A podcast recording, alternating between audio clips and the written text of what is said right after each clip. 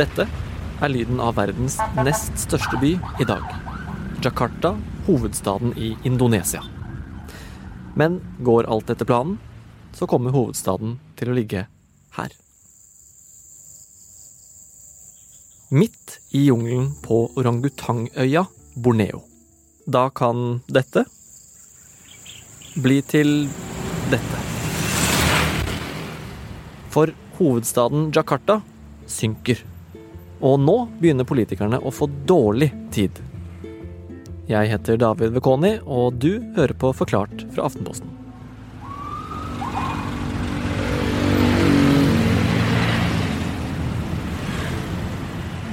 I dag minner Jakarta om ganske mange andre store hovedsteder i Asia. Folk flokker inn og ut av kjøpesenteret, bilene tuter i køen i rushtiden, og lukten den er en blanding av eksos og matos. Jakarta er eh, rett og slett verdens nest største by, hvis du tar med forstedene. Da, da har denne byen noe sånn som 35 millioner innbyggere. Det er en ganske flat by, med et sentrum preget av massevis av store skyskraper og, og fancy kjøpesentre. Og, og, utenfor bykjernen der er den litt mer preget av, slum og, og, fattigdom, med mye søppel i gatene. Luften i Jakarta den er ofte full av eksos og, og smog. Eh, til tider så kan det være ganske skrekkelig. Men ellers så er dette en eh, travel og ganske sjarmerende storby. Og det var nettopp denne ganske sjarmerende storbyen som Asia-korrespondent Kristoffer Rønneberg besøkte tidligere i år. Men grunnen til at han dro dit, er at det er én viktig ting som skiller Jakarta fra de fleste andre hovedsteder i verden.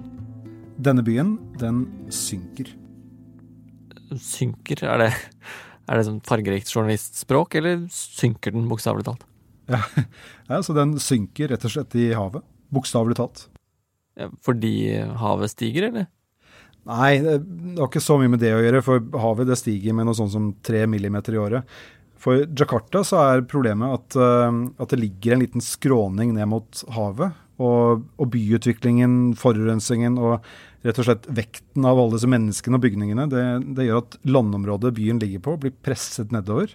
Og dermed så kommer sjøen tettere på. Hvordan påvirker det alle disse innbyggerne da, at byen synker?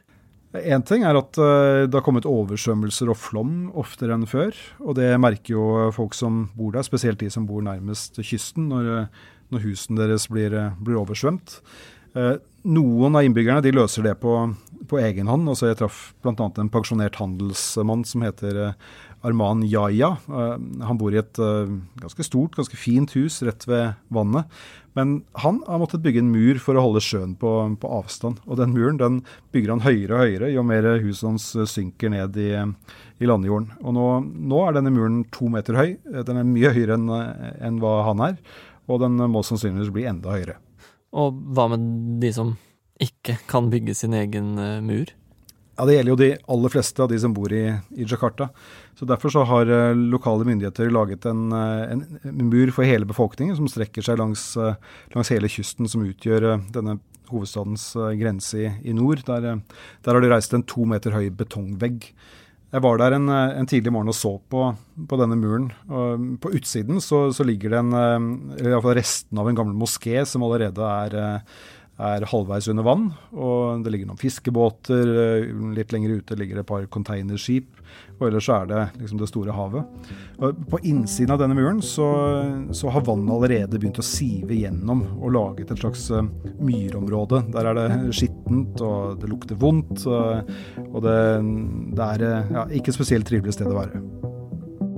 Og dette er ikke et nytt problem. Jakarta har i flere år vært den storbyen i verden som synker raskest i havet. Myndighetene har drømt om å flykte fra smog, flom og kø i flere tiår. Nå skal de endelig gjøre det. Det myndighetene i Indonesia har bestemt seg for, er rett og slett å flytte hele hovedstaden. De har, de har, bestemt seg for å etablere en, en, ny hovedstad som skal ligge 750 km unna. Midt inne i skogen i, i Øst-Kalimantan på, på, øya Borneo. Og denne nye hovedstaden den skal hete Nusantara. Er det vanlig å bare bestemme seg for å flytte en hovedstad?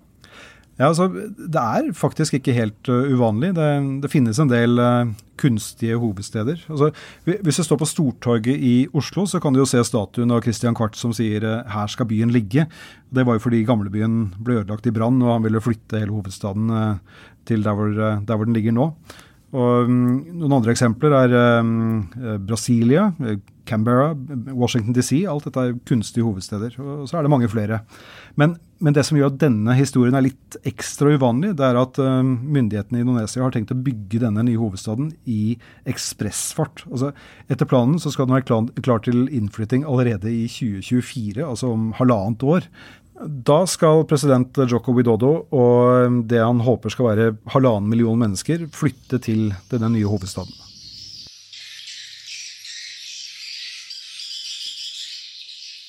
Så for Indonesia er Borneo nå blitt drømmenes land og løsningen på problemet med den synkende byen.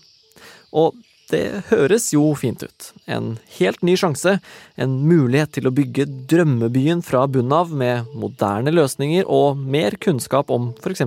klimaendringer enn man hadde da mange av dagens storbyer ble etablert.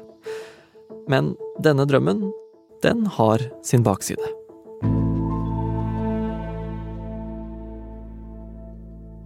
Sibarani Sofian han er en 47 år gammel, skikkelig engasjert fyr. Han gestikulerer og tegner masse når han, når han forteller om Nusantara, altså denne indonesiske hovedstaden, som so, han har tegnet. With that, you are bounded to do something that I would say almost like, you know, I never seen this type of city. Is this Indonesia? Is this utopian? Da Seborani Sofian var uh, ung, så, så, spilte han mye SimCity. Og, og der har man jo muligheten til å starte fra scratch og, og bygge en hel by på, på, dataskjermen.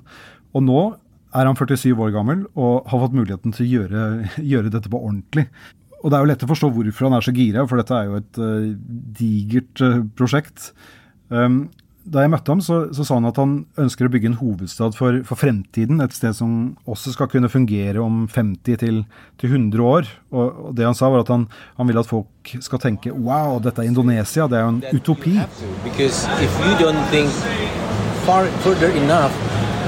then you fail to to secure future possibilities.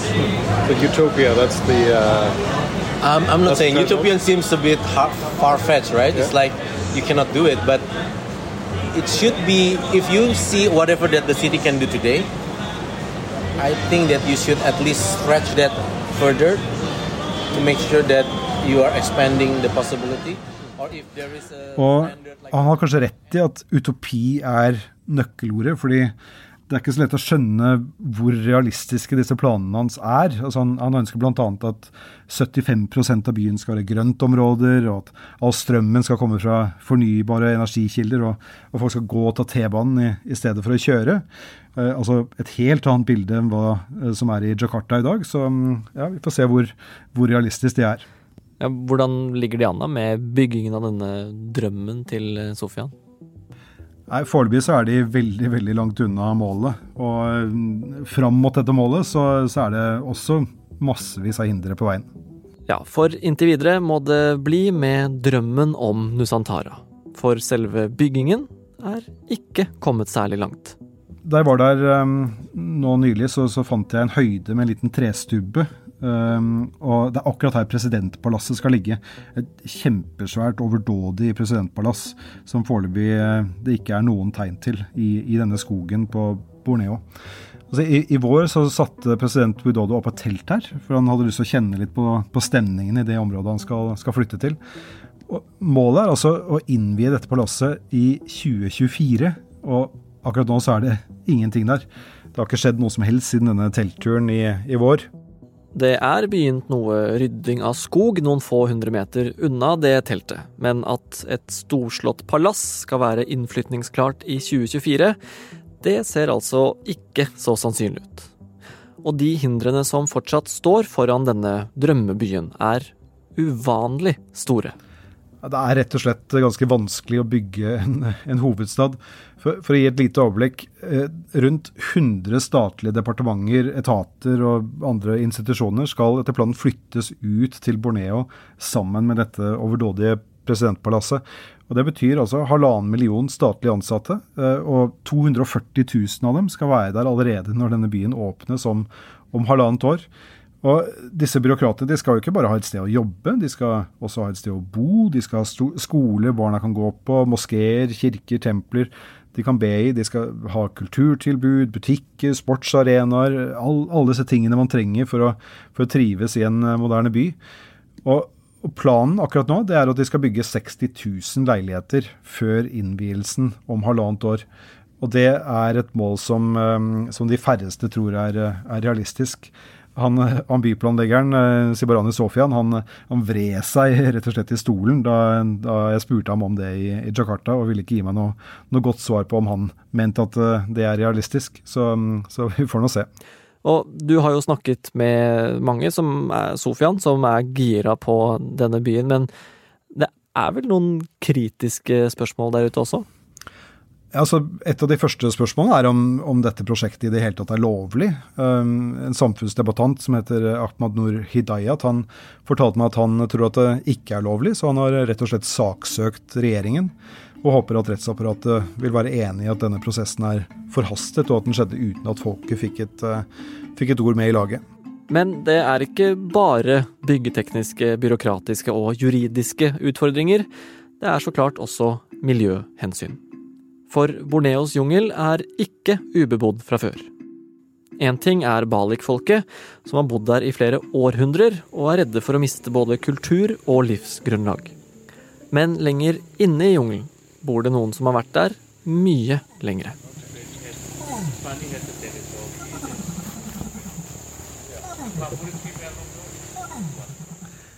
Der bor det orangutanger orangutang det betyr menneske fra skogen på, på indonesisk. Og disse apene de, de, lever vilt bare to steder på jorden, nemlig på øya Sumatra og, og, og så på Borneo. Men de er truet, og så har de stadig mindre områder å leve på. Så for mange miljøvernere så er orangutanger blitt et slags symbol på kampen for en bedre jordklode. Og, og myndighetene de bruker også dette i, i PR-kampanjer om Borneo. Altså det, det, første du ser når du lander i, eh, i Balikpapan, som er den byen som er nærmest der hvor denne nye hovedstaden skal, skal komme, det er en diger plakat med et bilde av en orangutang, og så står det 'Redd meg'. Uh, hilsen lokale myndigheter. Så de, de, sier at de er opptatt av uh, orangutangene, og samtidig så skal de altså bygge en ny hovedstad midt i det området hvor orangutangen bor. Så til tross for alle disse hindrene, da, byråkrati, juss, ingeniørkunst og dyr og mennesker, så vil de likevel flytte hovedstaden? Ja, det, det vil de. Og de, de, mener at de ikke har noe annet valg. Altså, byen synker jo. Og, og, de sier masse oppløftende om, om bærekraft og grønn framtid for denne nye hovedstaden. Så, så, får vi jo bare håpe at de klarer å oppnå alle disse hårete målene som, som, de har satt seg. Samtidig så må vi huske på at Jakarta kommer ikke til å bli folketom. altså Den kommer fortsatt til å være Indonesias økonomiske sentrum uh, uansett hvor hovedstaden ligger. Så myndighetene der må finne sine egne løsninger. Og, og, og dette er jo noe vi ser over hele, hele jorden, at byer er i ferd med å synke i havet. Og da får vi bare håpe at, eh, at de kan finne ut av disse utfordringene før, eh, før det er for sent.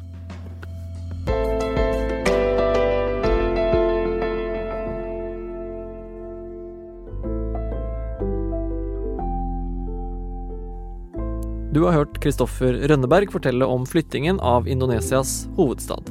Lyden er det Joshua Irwandi som har tatt opp. Denne episoden er laget av produsent Anders Weberg og meg, David Vekoni. Og resten av Forklart er Synne Søhol, Marit Eriksdatter Gjelland, Anne Lindholm, Fride Næss Nonstad og Jenny Førland. Husk at Forklart kommer med en ny episode hver ukedag, og vi blir veldig glade om du tipser en venn om oss. Æsj, blæ, øh sa det barnet, som fikk sjokk da jeg svarte at eh, jeg, 40-ish, ikke har hatt sex for siste gang i dette livet. Nei, og man bør angre på at man spurte. Ja, eh, Og du spurte kanskje ikke om det, du heller, kjære lytter. Men ukas 40-ish handler om sex og samliv. Ja, eller snakk for deg sjøl, Marte. Ja, det kan jo hende jeg snakker om mange. Uansett, sex og samliv, og singelliv også, det er viktig når man er 40-ish. Eh, hvordan leverer vi egentlig her? Mm, jeg regner med at du har sjekka ut? Ja, og du kan høre hvordan midtlivet står seg i disse spørsmålene i ukas episode av 40 ish. Og så er det også sånn, kjære lytter, at det å lage godt innhold, det koster. Alle Aftenpostens podkaster er inkludert i abonnementet for deg som abonnerer på Aftenposten. Vil du i tillegg høre alle Skipsteds podkaster i Podmy, kan du oppgradere abonnementet ditt til full tilgang på ap.no Podme.